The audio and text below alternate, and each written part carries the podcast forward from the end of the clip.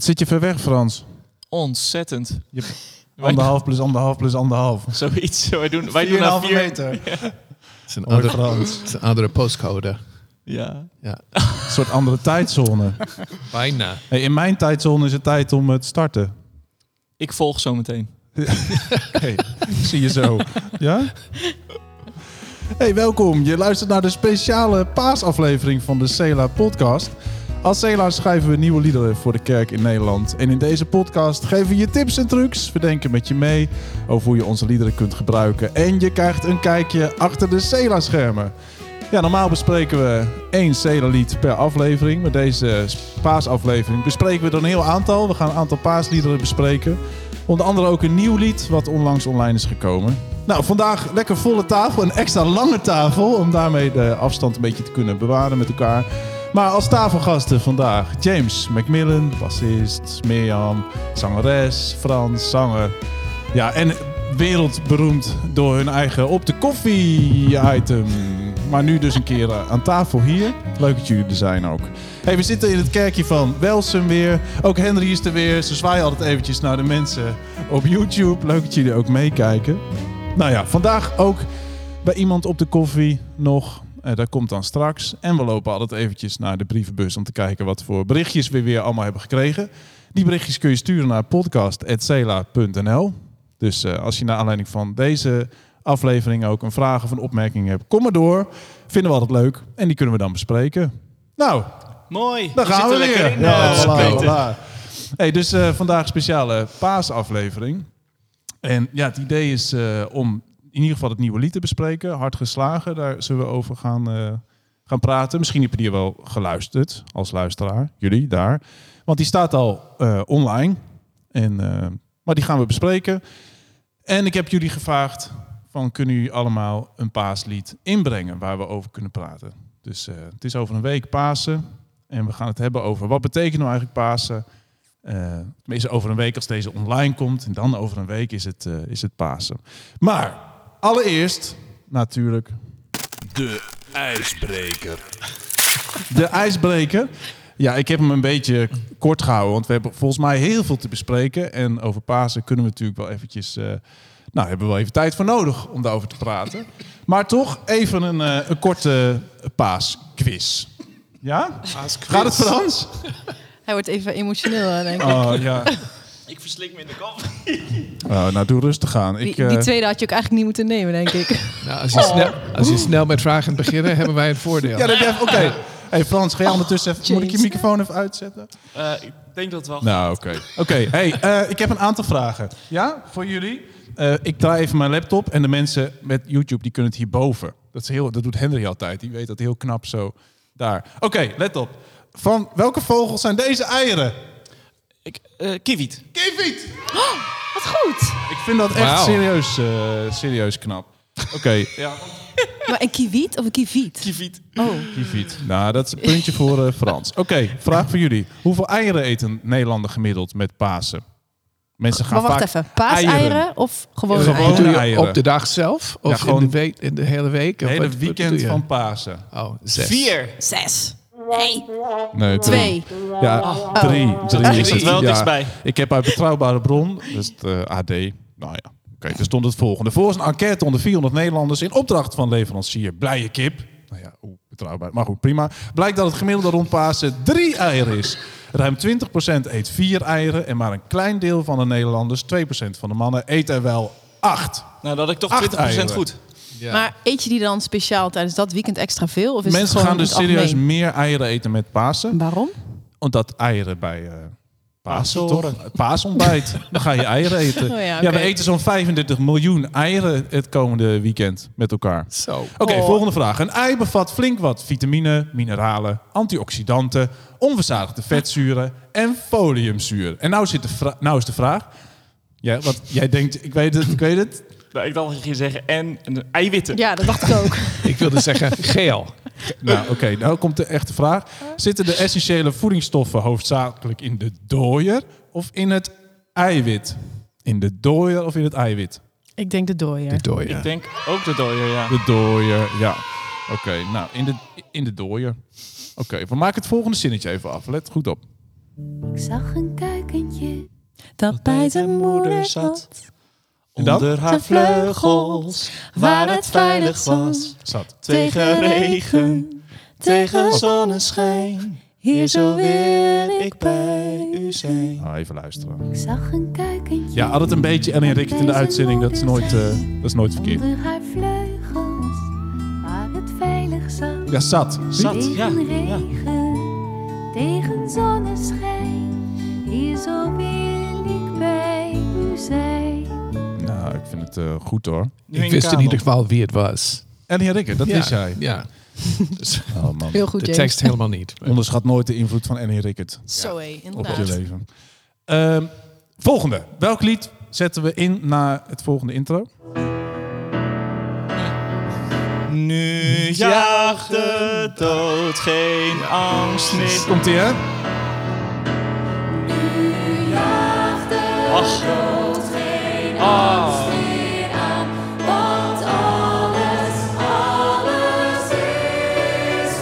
Live in Groningen. Live in Groningen. En zo zie je, het, een intro hoeft helemaal niet lang te zijn. Het was gewoon even zo... ratatatata, En dan gaan we zingen. Ja. Eh, man. Ja, live in Groningen. Dat was natuurlijk echt een paasalbum. Ja. Live Ja. paasliederen.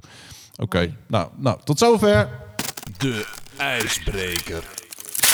Ja, we willen het allereerst gaan hebben over het nieuwe lied. Die is dus onlangs online gekomen. En dat lied heet Hard geslagen. En we gaan er eerst even een stukje naar luisteren.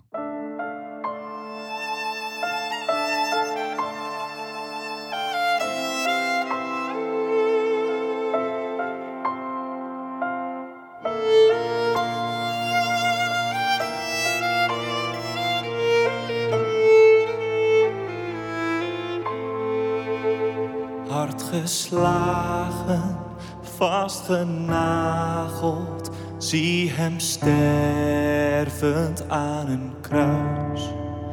Hij die onze straf wil dragen, door zijn eigen volk verguisd.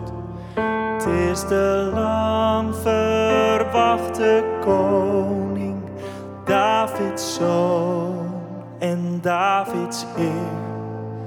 Hij het woord van God gekomen, geeft de geest en spreekt niet meer.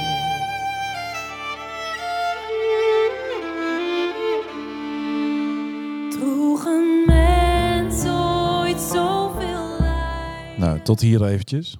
We hebben een aantal coupletten waarbij we het hebben over het leidersverhaal van, eh, van Jezus. Ik heb voor jullie de tekst even neergelegd op de tafel. Ik dacht misschien wel mooi om gewoon die tekst eens te lezen. Eh, misschien kan een van jullie gewoon eens het eerste couplet eens voorlezen. Je hebt net geluisterd. Ja. Hard geslagen, vastgenageld, zie hem stervend aan een kruis. Hij die onze straf wil dragen, door zijn eigen volk verguist. Het is de lang verwachte koning, Davids zoon en Davids heer. Hij, het woord van God gekomen, geeft de geest en spreekt niet meer. Het zijn de dingen die speciale zinnen die blijven hangen. Dat je denkt, hé, hey, dat. Daar heb ik wel een gedachte bij. Of die. Het is best wel. Het is meteen bam erop, hè? Dat, nou, dat, voor mij is het heel dat couplet donker en emotioneel en zwaar en een zucht, een hele grote, diepe zucht eigenlijk, ja. En dan, eh, wat mij dan het meest eh, raakt, denk ik, door zijn eigen volk verguist. Gewoon dat, alsof alles om je heen keert zich tegen je, zelfs je, je vrienden, je matties, je, de mensen die bij jou horen, weet je wel. Er is geen licht meer, pure duisternis. Zijn eigen volk. Ja, wel goed om even nog te noemen. Het is vertaald door Harold ten Katen. Het is een, oorspronkelijk een Engels lied. Hè? Al best wel een oud lied. De tekst komt uit 1804, zag ik. Thomas Kelly heeft het ooit geschreven. Ja. En Harold heeft het dus vertaald. Maar dat, het is zijn eigen volk. En dan het verguist. Zo'n woord überhaupt, hè? Ik- Verguizen. Ja. ja. Wat, wat verguist? Wat betekent verguist? Ja. Dat was mijn vraag. Ja, ja. Gewoon zoals het klinkt. Soort helemaal wegge, Verlaten, veracht. Ver, ja. weggeduwd. Weg, ja. Ja. En dan gaat hij verder. Droeg een mens ooit zoveel lijden? Zag een ziel ooit zo'n verdriet? Smalend spotte elke vijand, angstig vluchtte elke vriend. Die, zowel vijand als vriend heeft hem verlaten. Zijn vijanden bespotten hem, zijn vrienden hebben hem verlaten. Niet alleen zijn eigen volk, maar zelfs zijn vrienden. Hard geslagen door belagers. Niemand nam het op voor hem. Maar het hardst van alle slagen kwam Gods oordeel neer op hem. Ja, en dan hebben we volk, vijanden, vrienden en uiteindelijk zelfs God zelf. Ja. ja. En, en Poeh. Jezus die dan, normaal zegt hij altijd vader, maar aan het kruis is het mijn God. Waarom hebt u mij verlaten? Het is wel een zware tekst, Mirjam. Ja, ik, ik vind vooral dat laatste stukje van couplet 2, maar het hart van alle slagen kwam Gods oordeel neer op hem. Ik denk dat we echt niet kunnen beseffen hoe zwaar dat is geweest voor Jezus. Ik, maar ik denk als we het proberen, dan is dat hetgene wat het meest, ja, wat voor Jezus het zwaarst was. Hm. Gods oordeel, zijn, ja, het oordeel van onze zonde. ja, weet Het, niet. het maakt het ook ongemakkelijk, vind ik. Altijd als we het zingen. Ja. De tekst is zo rauw. En het zo het hardst van alle slagen. Het, is, het voelt heel fysiek bijna. Maar het maakt het ook ongemakkelijk. Heb je dat met het inzingen, heb je dat ervaren als Frans? Dat, Ja, zeker. Het, het, ehm, je probeert je in te beelden in, in hoe Jezus zich gevoeld zou moeten hebben om die emotie erin te kunnen leggen. En als je dan bedenkt dat, dat Jezus het meeste tijd door, eh, ja, hoe zeg, je, eh, doorbracht met zijn vader, met God. Dat hij daar soms 40 dagen en nachten bij Ja. was en hem altijd zocht. ja. En dat dan daar die deur dicht gaat. Maar niet alleen die deur dicht, nee, dat nog, nog harder, een soort van Ja. verdwijn bij, bij, bij wijze van, ja, Oh, oordeel. Ja, en ook dat je daar eigenlijk zelf had moeten hangen, zeg maar. En, en Gods oordeel had op ons terecht moeten komen. En nu komt het op Jezus terecht. Ja. Ja, ik, En het mysterie wat dat ook betekent, dat zit natuurlijk ook wel. Droeg een mens ooit zoveel lijden, zag een ziel ooit zo'n verdriet. Er zit ook dat vragende in, zo van, kunnen we dit ooit beseffen? Heeft ooit een mens dit meegemaakt? Kent iemand überhaupt het verdriet wat daar plaatsvond? En dat blijft met Pasen altijd wel het mysterie van, oké, het is dat oordeel, het is ook het overwinnen van het kwaad, het is ook de soort verhoging van Jezus als koning, maar juist als dienaar, de omkering daarvan. Eh, het is zoveel en Ja. zoveel lijnen komen samen in dat kruis. Dat het een soort onbegrijpelijk van wat, wat gebeurt daar nou, hè? En over omkering, hè, dan, dan Gods verdriet zelf, denk ik. Hè? Zijn zoon, toch? Zijn, Ja, dat is het. Ik vind dat een van de lastigste vraagstukken rond het, rond het kruis wel. Van, het is God zelf die naar ons toe komt, die het lijden op zich neemt. Het is de vader en de zoon die uit elkaar gescheurd worden. Je, je raakt soort van die grote vraagstukken van de eenheid tussen Ja. zoon en vader. En tegelijkertijd die, die innerlijke soort ah, ontwrichting van die drie eenheid. Dat dat dus uit elkaar getrokken wordt. Eh, nou, dat is in Ja. de... Heel veel theologen hebben hun hoofd over gebroken. Van wat gebeurt daar nou eigenlijk? ja. en terecht. Maar in ieder geval, als we verder gaan. Wie te licht denkt over zonde en haar diepe ernst niet ziet, kijk naar hem en zie verwonderd wat een vonnis zij verdient. Christus, het volmaakte paaslam, droeg ons weerzingwekkend lot. Hij die onze zonde wegnam, hij verzoent ons weer met God. Die, die weerslag die het heeft op, eh, op ons. Ja, dus het kijken naar het offer. Wat, eh, wij hebben het wel vaak over, eh, over Keller gehad. Dat is een van de grote inspiratoren ook in deze podcast. Die is wel vaker, maar die elke preek eindigt hier. Het opzien naar het kruis, hè James? Ja, hij, hij komt altijd uit bij eh, het evangelie. En wij hadden dit lied gedaan in een pastoor een paar jaar geleden. En dan deden wij toen eerst alleen de eerste twee coupletten. Want dan eindigt het met het oordeel van God op Jezus op het kruis. En er is gewoon helemaal geen hoop in het verhaal Hmm. op dat moment. Ehm, Ja, we hebben hem live inderdaad korter gedaan dan hoe Ja. we hem nu hebben Ja. uitgevoerd. Want dat, dat paste in het verhaal op dat moment. We wilden daar Jezus, Jezus op het kruis, eh, dat, eh, daarover mediteren. Dat was de, de- een moment van stilte. En nu, toen wij de, de derde en vierde coupletten erbij. En in de derde couplet inderdaad zijn wij gevraagd. Het, het neemt de focus van Jezus naar ons toe. Ja. Dat wij wie te licht denkt over zonde en haar diep- diepe ernst niet ziet. Ja. En ik vind het zo heftig. Wij waren bezig om dit op te nemen. Ja. En dat was mijn eerste conf- diepe confrontatie met die twee coupletten. Ja.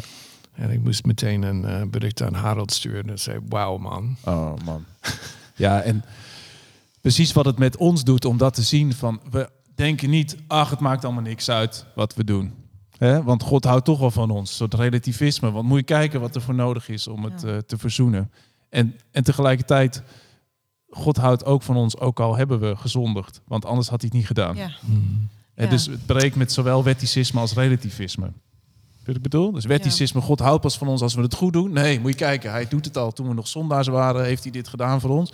Relativisme, ja, het maakt niks uit, joh. want je God houdt toch wel van je. Nee, wacht, het maakt wel uit. Het is echt een groot probleem wat opgelost dient te worden. Hey, ik wil eventjes naar dat laatste couplet. Ehm, dan, want dan hebben we dus die bezinning op wat, wat daar gebeurt... en het ongrijpbare en het grote mysterie. En dan komen we bij dat laatste couplet. En die moet ik eventjes opzoeken. Hier is die. Ons weer met God. Laatste couplet, ja.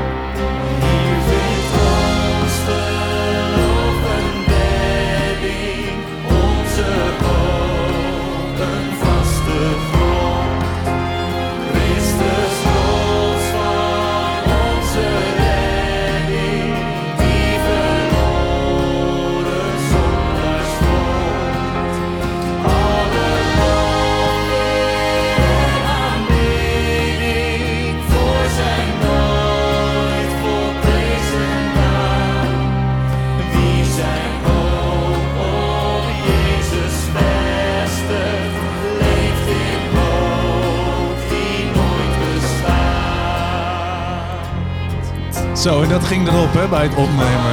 En of. Ja. Man. Maar wat was dat?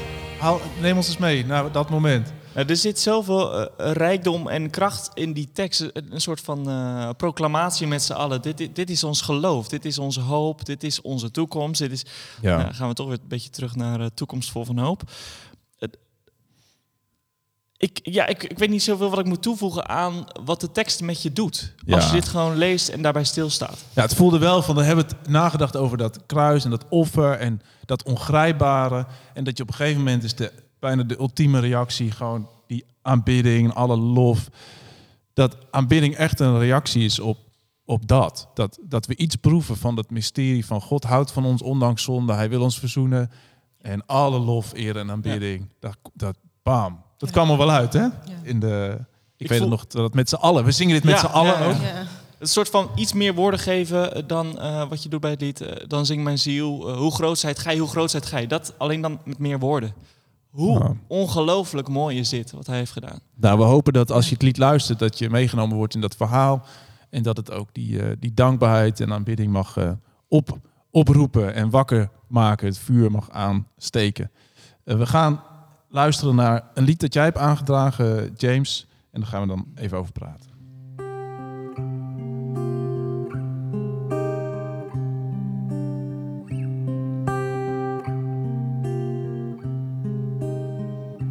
Dit is ook live in Groningen. Komt de fluit erbij? We gaan luisteren naar het lied Zie de mens.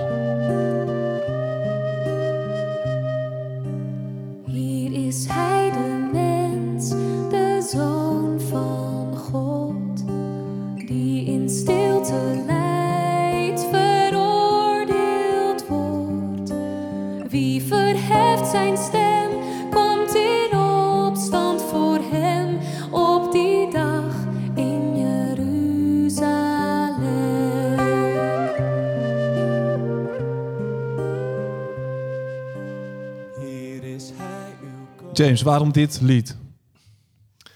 Het was eh, de zomer, zomer van 2013. Zaten wij in vakantie, op vakantie in, eh, in Engeland. En eh, mijn vrouw en ik. En we zaten in een grote file rond Londen. Eh, ongeveer vier uur zaten wij stil op de snelweg. Het was niet zo snel een weg. en, en er was een radioprogramma. En de man ging het, had het over een schilderij van Antoni Cizeri. Van, eh, ik denk, 19e eeuw. Called de Ego Homo. Ja. En dat is zie de mens in het Latijns. Laat hem eventjes zien voor Ah, ja. de kijkers op YouTube. ja. Precies. En, en eh, Wat zien we op het schilderij?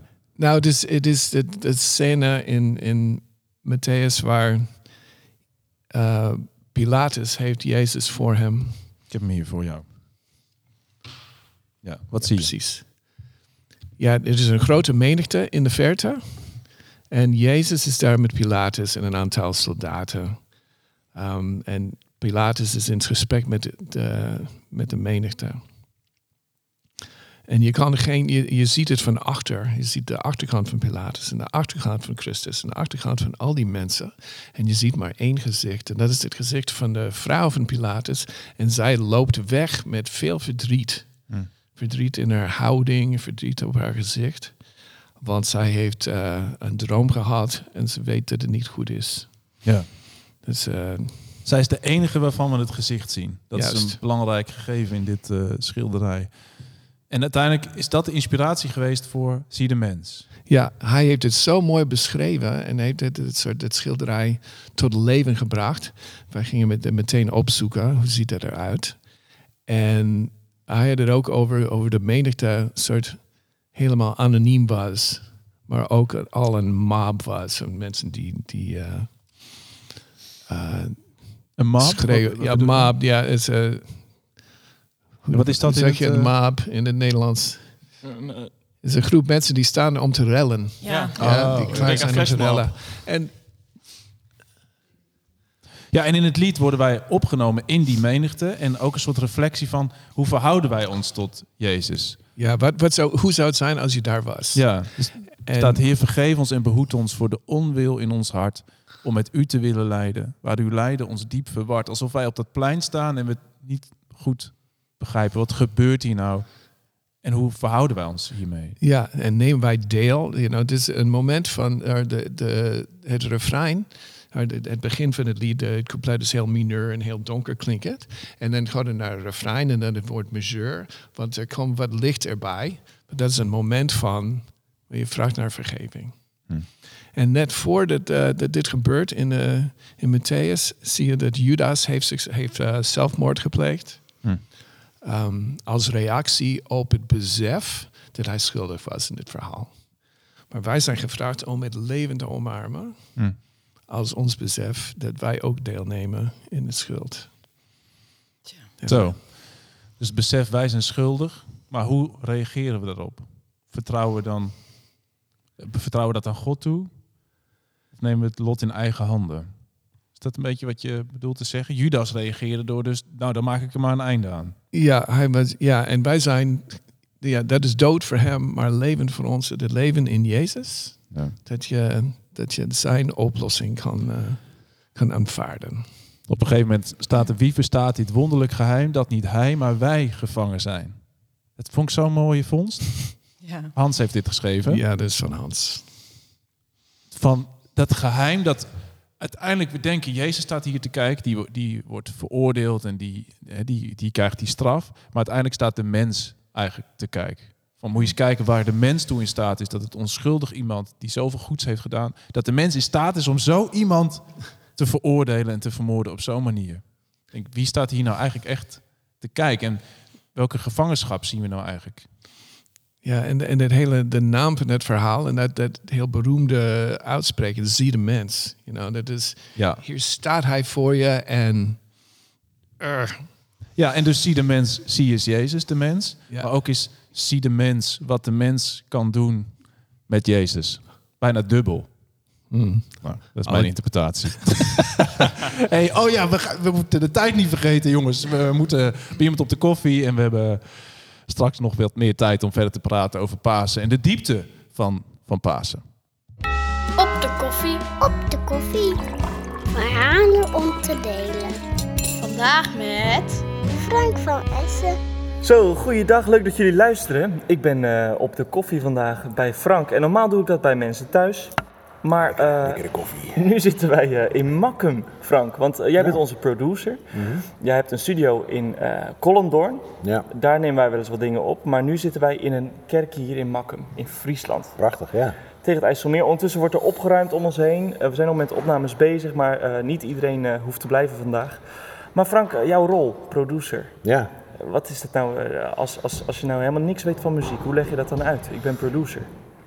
nou ja, ik, ik zorg er gewoon voor dat het hele opnameproces goed verloopt. En, eh, en dat niet alleen. Ik eh, geef ook gewoon tips wat betreft arrangeren. Ik zorg ervoor dat alles goed klinkt. Dus ik mix ook de meeste dingen af. Hoe is dat ontstaan? Wanneer kwam Cela bij jou aankloppen? Ja, dat is eh, in 2006 geweest volgens mij, of 2005 denk ik al. Dat, eh, toen waren Niek en Albert natuurlijk nog in de band. En Ja, Hans Maat ja. die was toen net gestart met Cela. Dus die had Niek en Albert gevraagd om een bandje samen te stellen. Eh, en Niek die was helemaal, en Albert ook trouwens, die waren helemaal fan van Iona. En dat is de band, was, was de band waar ik toen in speelde al 15 jaar of zo, 20 jaar inmiddels. Ja, Ehm, nou, daar waren ze helemaal gek van. Dus zij, zij hadden zoiets van, nou, als iemand dat moet gaan produceren, dan moet Frank dat gaan doen. ja. Ja, Niek was op dat moment een ventje van 18, denk ik, of zo. Ja, joh. Dus ik kan me nog herinneren dat, eh wij woonden toen in Drachten, dat Hans Maat en hij samen bij mij op bezoek kwamen. En hij kwam met knikkende knietjes echt binnen, zo van, nou, we komen, nu bij Frank op bezoek. Gek, joh. En eh, nou ja, toen vroegen ze mij dus of ik dat zag zitten om dat te produceren. En wanneer begint jouw taak dan eigenlijk? Wij gaan een album opnemen. Dan is, dan is het niet zo dat wij jou op de eerste dag van de opname pas Nee. ontmoeten en dat je de liedjes te horen krijgt. Nee, klopt. Nee, ik kom meestal een beetje halverwege het schrijfproces kom ik erbij. En dan, eh, dan, nou, dan luister ik gewoon naar alle liedjes. En kijk van nou, hoe loopt het? Ehm, zijn er nog dingen die ik kan inbrengen vanuit mijn eigen creativiteit? Nou, in het begin van, eh, van Cela was dat, eh, zeg maar, eh, nou ja, dan was er iets geschreven en dan veranderde weer 75% zo'n beetje, omdat ik er dan bij kwam. dat was in het begin van het proces, maar door de jaren heen is dat steeds iets minder geworden. Dus, Ja. eh, En nu, eh, ja, nu zijn het echt kleine dingetjes die ik nog aangeef. Van joh, nou denk daar nog even aan. Of misschien kunnen we dat introotje nog even anders doen. Of, eh, dus dat is, dat is in de ja, door de jaren heen is mijn rol eigenlijk wat dat betreft een stuk kleiner geworden. Ja, maar aan de andere kant, ehm, bij het, de, de opname is wel steeds professioneler geworden. Dus het wordt steeds mooier, steeds beter. En ik probeer ook iedere keer om die opname net weer iets beter van kwaliteit te krijgen. Nou ja, dat is dan mijn taak. En dan zit ik gewoon alleen eigenlijk in de studio meestal eh, te werken. ja. Tot diep in de nacht om alle Uren, uren, ja. dagen, weken. uren te editen en te, en te mixen en eh, de klank mooi krijgen en dat soort dingen. Dus, Ja. eh, Ja. dus dat is, ja, dat is ontzettend leuk. Dus ik ben, ja, ik ben vooral een beetje, nou ja, hoe moet je dat zeggen, dienstbaar, professioneel aanwezig. Zo, Ja. zou je het, zo zou je het moeten kunnen zien. En ook compleet onderdeel van die Cela-familie. Ja, Eh, absoluut, ja. ja. ja. want ik, het is niet zo dat ik eh, na een dag opnames dan vertrek en naar huis ga. Nee. Meestal. Hè? We Dus spelen nog 30 seconds. We spelen nog spelletjes samen en hè, we zijn echt bij elkaar, we maken lol samen en dat, dat, ja, daar geniet ik natuurlijk ook enorm van. Ja, En dat is voor het hele proces ook heel goed, want iedereen voelt zich heel vertrouwd met elkaar. ja. Dus eh, ja, dus dat is ontzettend leuk en dat zou ik ook, eh, ook nooit willen missen. Dus, eh, Nou, en, ik heb, en ik heb natuurlijk door de jaren heen heel veel mensen ook wel eh, zien komen en gaan. ja, ja. Eh, dus natuurlijk ook eh, het hele proces van, van een band is, eh, is heel mooi om te zien ook. En ook heel pijnlijk soms natuurlijk, als je aan Kinga denkt. Of, ja, ja, Ik kan me wel herinneren dat toen uh, Niek en Albert weggingen, dat we echt zoiets hadden van ja, en nu? ja, precies. Hoe moeten we nu verder? Hè? Ja, Zien- we zijn dat we nog tien jaar zitten? verder. En inmiddels zijn we tien jaar verder, dus ik ben ontzettend blij hoe zich dat heeft ontwikkeld. Maar het is toch wel iedere keer weer even spannend. Van, eh, van, Ja. ja. kunnen, we, kunnen we weer maken en neerzetten en schrijven wat we eigenlijk willen? Ja.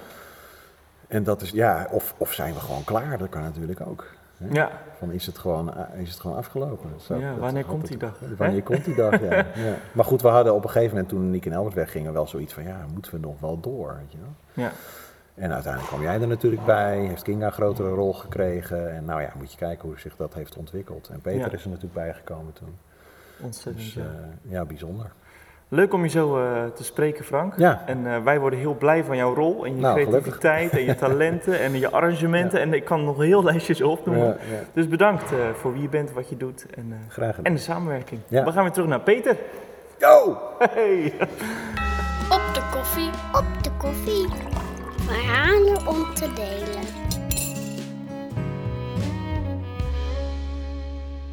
Ja, we zijn weer terug in het kerkje van Welsen. Frans zei tegen mij tijdens dit item, je moet even je haar goed doen. Dus als het goed is, zit het, zit het nu goed? Prachtig. Anders zit er een plukje voor mijn oog. Nou, we hebben hier eh, mooie gesprekken over Pasen.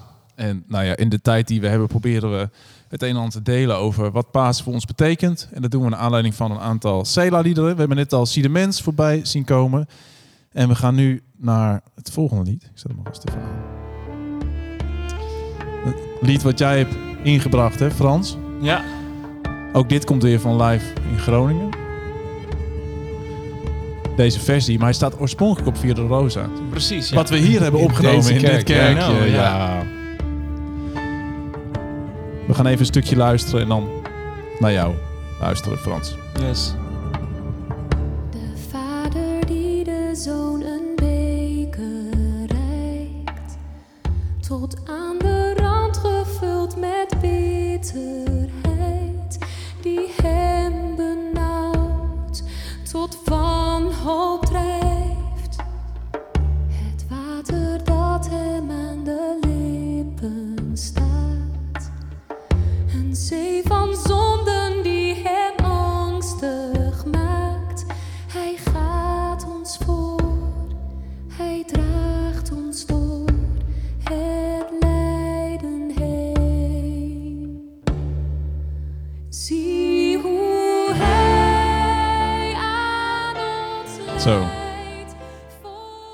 Tot hier even. Ja joh. Zo, die laatste, wij deden hem hier zo. Boom. Dat is altijd zo'n moment, hè, dat lied. Dat we die neerleggen en dat dan het refrein erin komt. Waarom dit lied, eh, Frans? Ja, echt eh, duizend en één redenen eigenlijk. Dus als je bedenkt dat het hier is opgenomen en dat het mijn eerste tijd met Cela was, dat het lied ontstond, dat ik moeite had met mijn stem en eh, in dezelfde toonsoort als Kinga oorspronkelijk een couplet zou zingen wat veel te laag was. En dat we Oh, besloten, ja. we, gaan, we gaan dat, eh, wat is het, een vierde mogelijk, geen idee. Modelleren. Ja, en dat dat lied dus daardoor ook een soort van lift krijgt en dan weer teruggaat, het instrumentaal. Dan ook nog eh, de opname van Live in Groningen, die als een prachtige herinnering is, wat voor mij een contrast was met de opname hier. Daar voel- voelde ik me vrij, maar dat zijn persoonlijke dingen. Maar het lied is zo gelaagd, daar kan ik eindeloos lang denk ik over nadenken en praten met mensen. En Ja. dat is dan eigenlijk ook wat ik mee wil geven aan de luisteraars. Ga het lied eens luisteren als een, alsof het een voorgelezen boek is. Ga er eens even stil bij zitten en niet luisteren als een samenzangliedje, maar luister als oké, ik heb een boodschap die ik hier uit moet filteren. Nou, daar kan je best een aantal weken zoet mee zijn volgens mij. Zo. De ik kreeg, eh, hè? Ik kreeg een keer, dat is dan nu alvast een soort eh, brievenbus dingetje. Maar een mailtje van iemand, die had het over Gethsemane. Van, kunnen we die niet een keer bespreken? En die zegt het volgende. Gethsemane vind ik het mooiste nummer van Sela. En omdat het zo goed in elkaar zit, kan ik maar lastig onder woorden brengen waarom ik dat vind.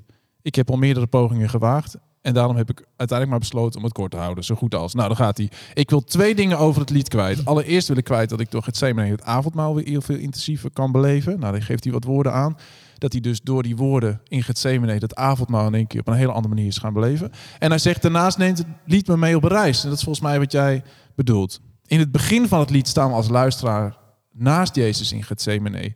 We zien voor onze eigen ogen gebeuren dat Jezus een vreselijk lijden tegemoet gaat. In het tussenspel reizen we in mijn belevenis vervolgens verder naar Golgotha. Ik interpreteer de uithalen van Kinga als Maria die enkel maar kan toekijken hoe haar eigen zoon onschuldig sterft als Maria's stem dan naar haar hoogtepunt bereikt, haar hoogtepunt bereikt, slaat de muziek ook om. In de vier muzikale maten die volgen, hebben jullie in mijn ogen een perfecte muzikale vertaling gemaakt van de woorden het is volbracht, prachtig. Het lied gaat daarna verder met wat Jezus dood voor ons heeft betekend.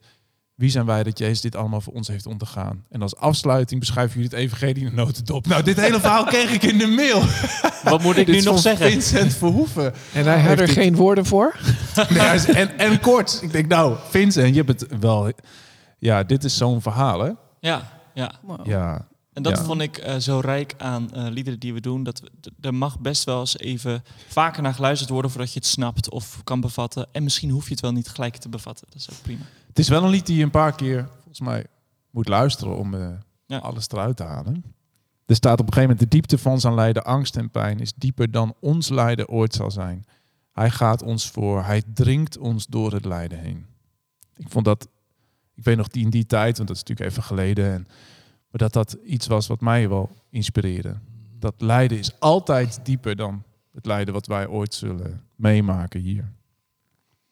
Eh, nou, dat Gethsemane. Heb jij nog een mooie eh, eh, gedachte of herinnering? Nou, ik weet dat jij bij Groot Nieuws Radio... Ja, je dat- precies. We, hadden, we waren bij Groot Nieuws eh, Radio Business Club gespeeld een keer. Ik denk dat het in Veenendaal was. Ja. Ja. En, eh, en wij we hadden net eh, deze CD opgenomen. En dat was zo onze nieuwe speelgoed, al die liederen. En wij zeiden, nou, we gaan beginnen met Gethsemane. En dat hebben wij gedaan. En, Maar het was een meeting even voor de setting. Mensen die met een drankje aan staattafels... ja, ja, een soort borrelmomentje. Ja. Nou, hier gaat Cela spelen. Bam, bam, bam. En toen wij klaar waren, was het helemaal stil. Ja.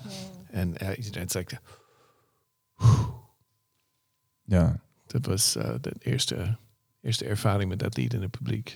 En dat we het wel tegen elkaar zeiden van... Dit lied doet iets. Ja, Ja, het heeft kracht, het verhaal. het verhaal. Oké, we gaan eh, naar een eh, volgend lied. En dat is ook, ook weer live in Groningen.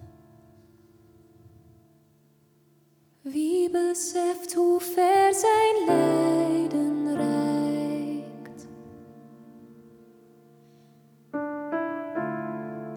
Hij doorstaat de diepste eenzaamheid.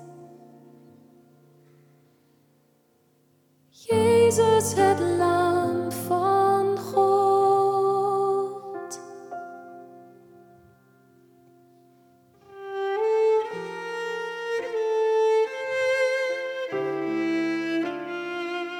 Kort stukje. Mirjam, jij hebt dit lied aangedragen. Het raakt je nu ook, als je het eh, hoort. Ja. Wat gebeurt er? Ehm. Jezus, het lam van God. Hij die de zonde van de wereld wegneemt. Dat is wat Johannes zegt als hij voor het eerst Jezus ziet. En dat is voor mij ook ehm, de kern van het evangelie. En de kern van eh, wat Jezus is komen doen voor ons. En wat me zo raakt, ik kan het dus niet meer luisteren zonder dat het me raakt. Ja, Ehm, is aan de ene kant eh, heel erg verdrietig zijn, omdat ik zelf denk ik heel vaak niet besef hoe ver eh, Jezus is gegaan voor ons, wat zijn offer zeg maar inhoudt. Eh, hoe diep zijn eenzaamheid was, hoe diep zijn lijden was, maar ook verdriet om zoveel mensen die dat nog niet beseffen. En hij is wel voor ons allemaal gekomen. En Hmm. ja, dat vind ik toch gewoon echt heel verdrietig, want dan denk ik, dat is onze hoop, weet je wel, dat hij is ons leven. Hij, wat moeten we zonder hem? En Ja. ja, ja ik, ik ken natuurlijk zoveel mensen in mijn omgeving ook, maar ik bedoel, je hoeft maar het nieuws aan te zetten en je ziet gewoon hoe verloren we zijn. Ehm, gelukkig kennen wij Jezus, ehm, maar dat kan altijd nog meer. Ehm, en dus aan de ene kant verdriet dat we dat, dat er heel veel mensen zijn die Jezus nog niet kennen, maar dat ik ook zelf heel vaak niet genoeg stilsta bij zijn genade voor mij en zijn offer voor mij en, en wat dat precies inhoudt. En tegelijkertijd ook mega dankbaarheid. Ja, dat, dat, en dat raakt je weer ja, als je dat dit hij, nou ja, hoort. dat hij Ja. zo ver gegaan is voor ons. Het kan toch dan alleen maar heel veel liefde zijn. Hm. En ja, dat raakt me dan. Dus ja, nu weer. Het liedje had hier ook al bij klaar kunnen zijn. Gewoon hier Dik stoppen. coupletje. Ja. ja, nee, om het gewoon helemaal open te laten. Ja. Het gaat verder. We hebben uiteindelijk besloten om het toch maar verder te schrijven. Eh, aan het kruis sterft Jezus onze dood. Draagt mijn lijden, wordt daar deelgenoot. Deelt mijn gebrokenheid. Hij voert voor mij de strijd. Eh, ik heb deze tekst eh, geschreven. En wat we geprobeerd hebben is woorden te geven aan dat Jezus zo dichtbij komt aan het kruis. Het is enerzijds dat, wow, het is niet te bevatten wat daar gebeurt. En tegelijkertijd is het ook ons menselijk lijden waar Jezus vol instapt. En dat we juist Jezus op zo'n intieme manier kunnen, kunnen ervaren. Hm. Dat, maar dit is mijn lijden. Dit is de, de pijn die ik ervaar, ervaart Jezus ook. Eh, en daarom niet eenzaam zal ik verder gaan, want in hem is nieuwe kracht. Als Jezus dit lijden kan dragen, daardoor heen kan gaan en vervolgens mij wil helpen, dat geeft nieuwe kracht. Want het, want het is mijn lijden. Het is hetzelfde soort lijden. Jezus kan het, kan het heeft dat volbracht. En hij wil die kracht ook geven aan ons. Dat, eh, dat, die gedachten hebben we erin proberen te, te stoppen. En daarom, in dit leven ben ik niet alleen. Ja, ja. mooi. Dat het je wel zo, eh, zo raakt. Ook, eh, ja, is Ja, dat, heb je dat, eh, live heb je dat ook wel eens een keer gehad, weet ik nog. Ja, dat soort. ik- eigenlijk alles waar we het hier over hebben raakt mij gewoon zo. Het is gewoon, het gaat over Jezus, weet je wel. En, Ja, en zijn offer voor ons. Ja, hoe kan ons dat niet Ja. raken? ja. Dus ik moet zeggen dat ik al de hele tijd met, eh, met hoge Ah. emoties zit. Maar, maar ja, dit, ik weet niet. eh, Nou, het is wel de kern. Dat is wel wat we net zeiden. Heel veel lijnen komen, gaan gewoon via het kruis. ja, In de Bijbel ook. In ons leven ook. Eh, Ja. Toch op een of andere manier een soort kernding. ja, nogal ja. Dat Ja. hopen wij. ja. Het is mooi wat je, wat je zegt als, als het over Jezus gaat, dat het dan raakt. Eh, afgelopen weken ben ik eh, ook voorbereid naar Paas toe eh Marcus helemaal gaan lezen. En, en de liederen die jullie eh, hadden gekozen ook gaan luisteren.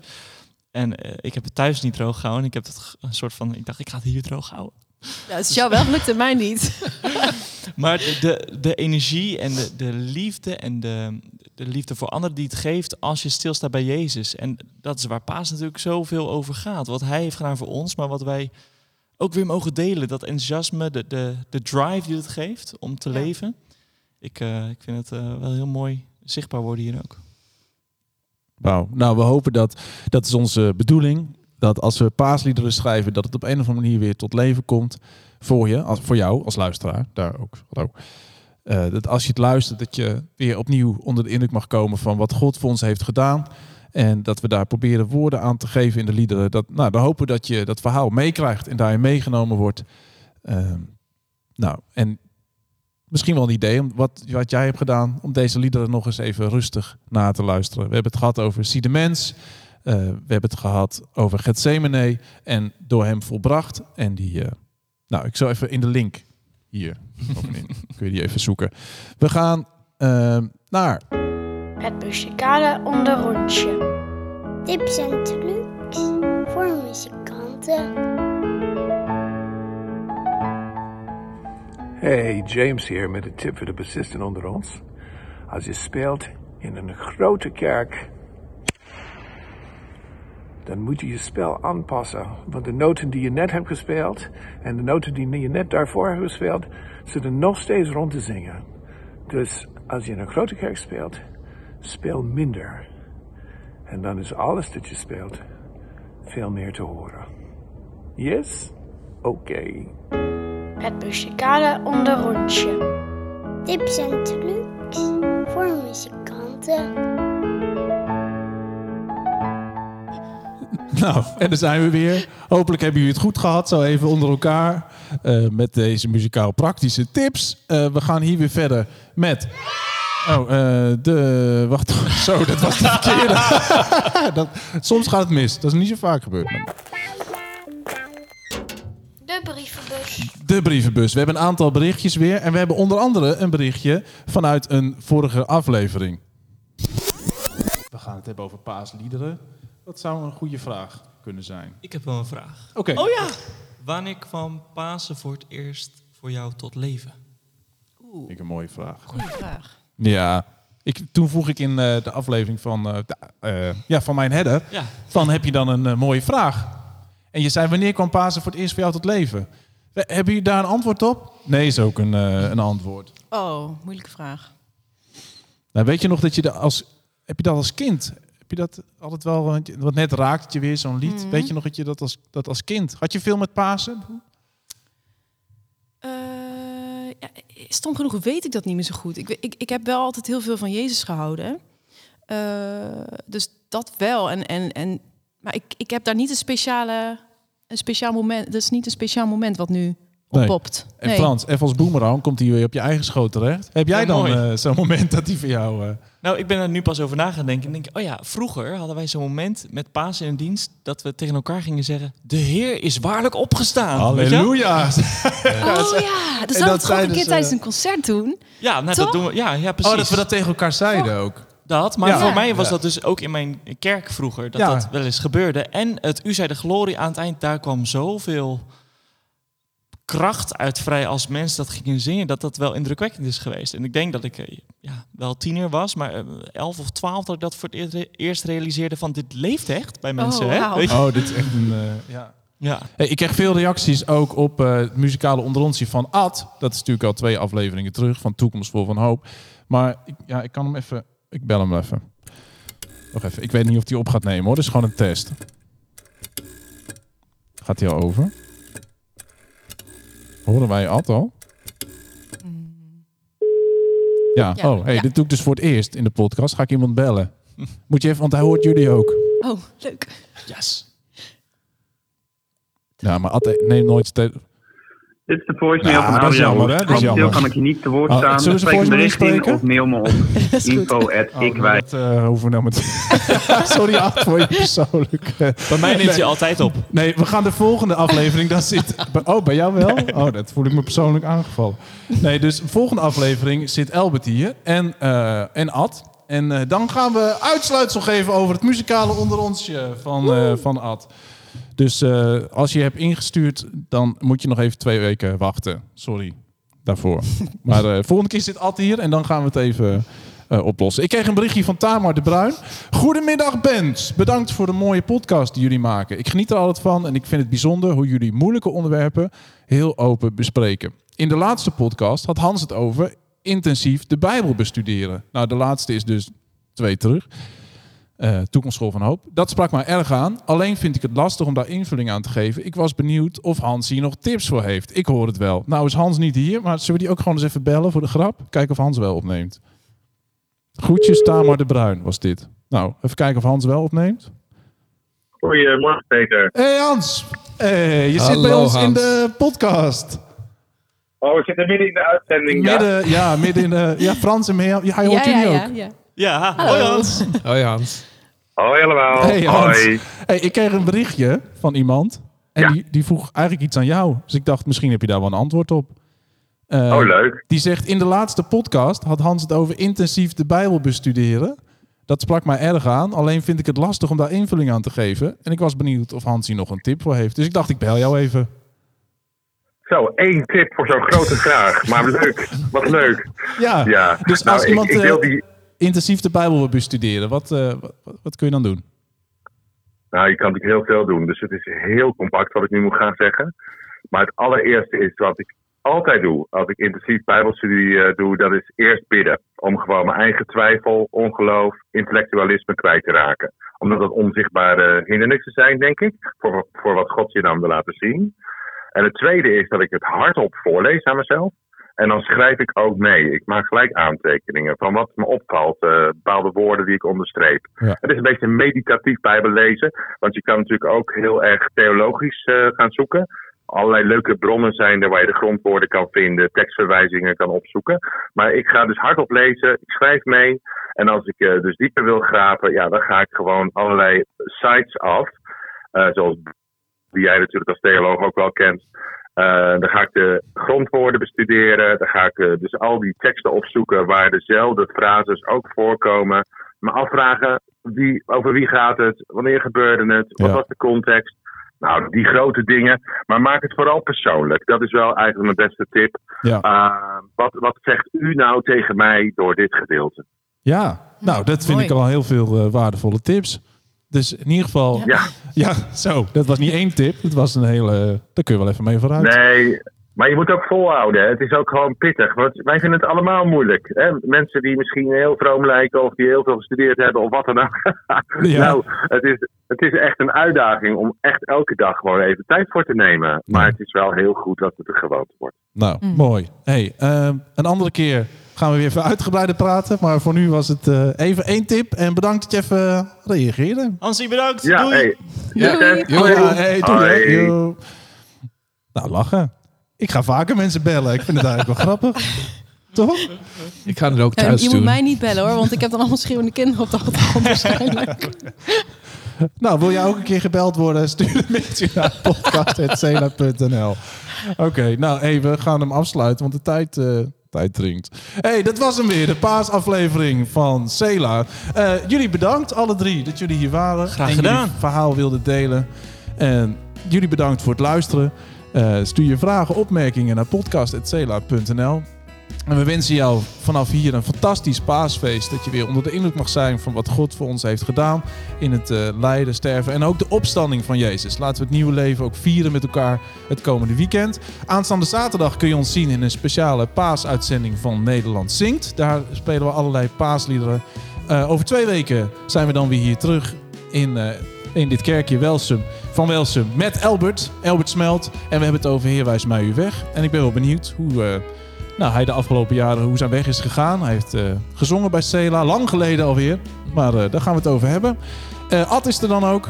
En dan gaan we dus het mysterie oplossen van het muzikale onderonsje. Ik zie er naar uit. Een nieuw lied, nieuwe tafelgasten. Hopelijk met jou als luisteraar. Doei!